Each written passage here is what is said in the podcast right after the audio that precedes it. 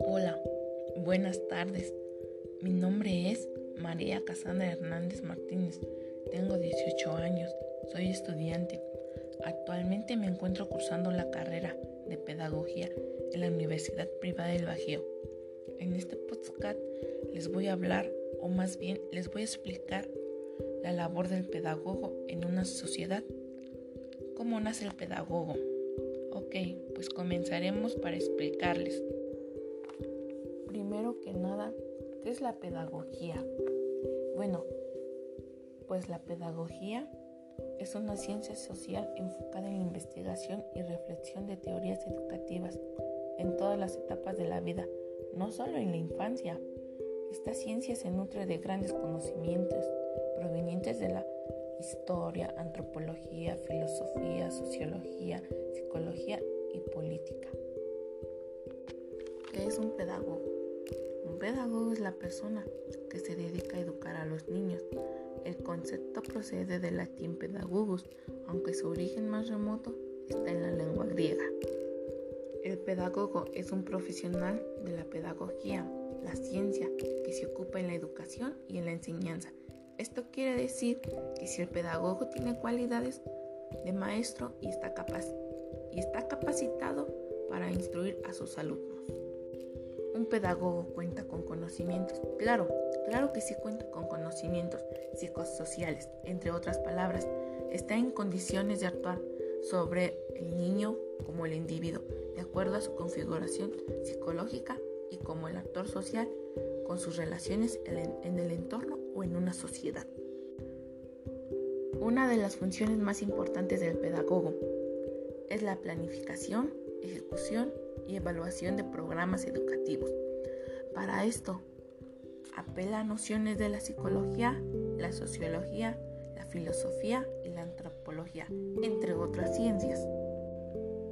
¿Cuál es la importancia de la pedagogía? La pedagogía es una área fundamentalmente vocacional en la que se especializan aquellas profesiones que se cursan en sus estudios de una materia en la universidad. Bueno, pues la pedagogía reflexiona sobre la educación en un área fundamental de la vida de un ser humano y de la sociedad, porque el conocimiento abre puertas no solo en el terreno profesional, sino también en la vida personal de una cara a una correcta toma de decisiones, o más bien a un establecimiento de relaciones personales sanas. La pedagogía es especialmente útil y básica en la educación porque cada alumno es único e irrepetible, es decir, tiene unas cualidades concretas y unos talentos. Por ello es a través de las herramientas pedagógicas. Es posible alimentar el autoestima de un alumno gracias a una educación personalizada que atiende a las necesidades concretas del estudiante. La relación pedagógica que se establece entre un profesor y, y un alumno es importante porque en el modo en el que enseña una materia, un docente puede determinarse para la comprensión por parte del alumno. Es bien, si un maestro tiene una buena relación con un alumno, el alumno tiene mejor capacidad para aprender. La pedagogía refleja el gran labor del profesor, que se da de una forma totalmente vocacional. Intenta transmitir todos sus conocimientos a sus alumnos. Existen películas que se muestran de forma interesante en el proceso pedagógico.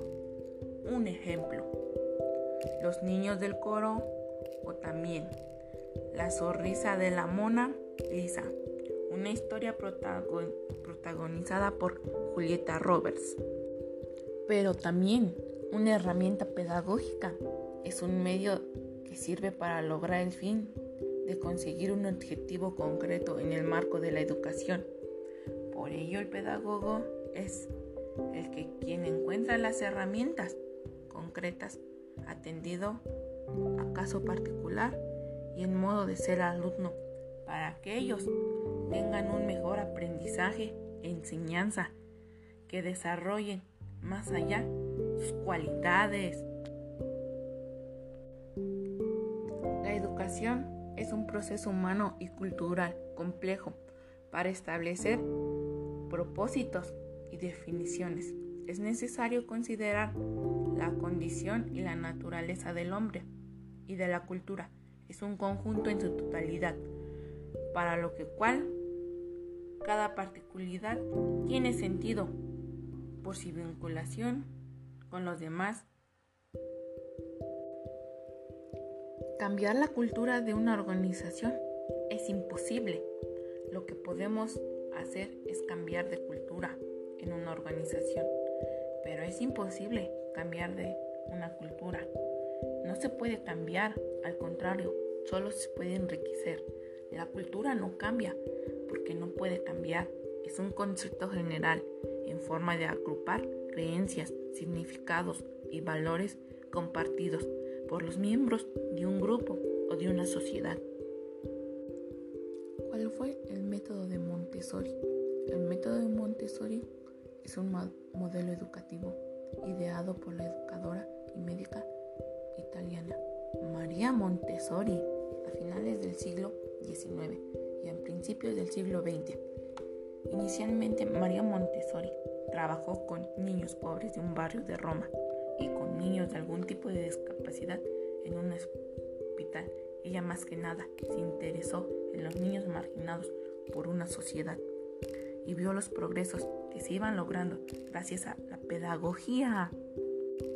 Más que nada, su método educativo se caracteriza en poner énfasis en la actividad dirigida por el niño y en observación clínica por parte de un maestro.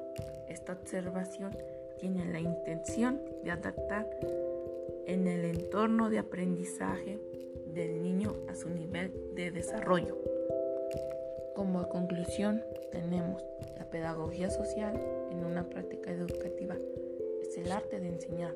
También entendemos como la disciplina que intenta corregir todas aquellas circunstancias que atentan negativamente a los grupos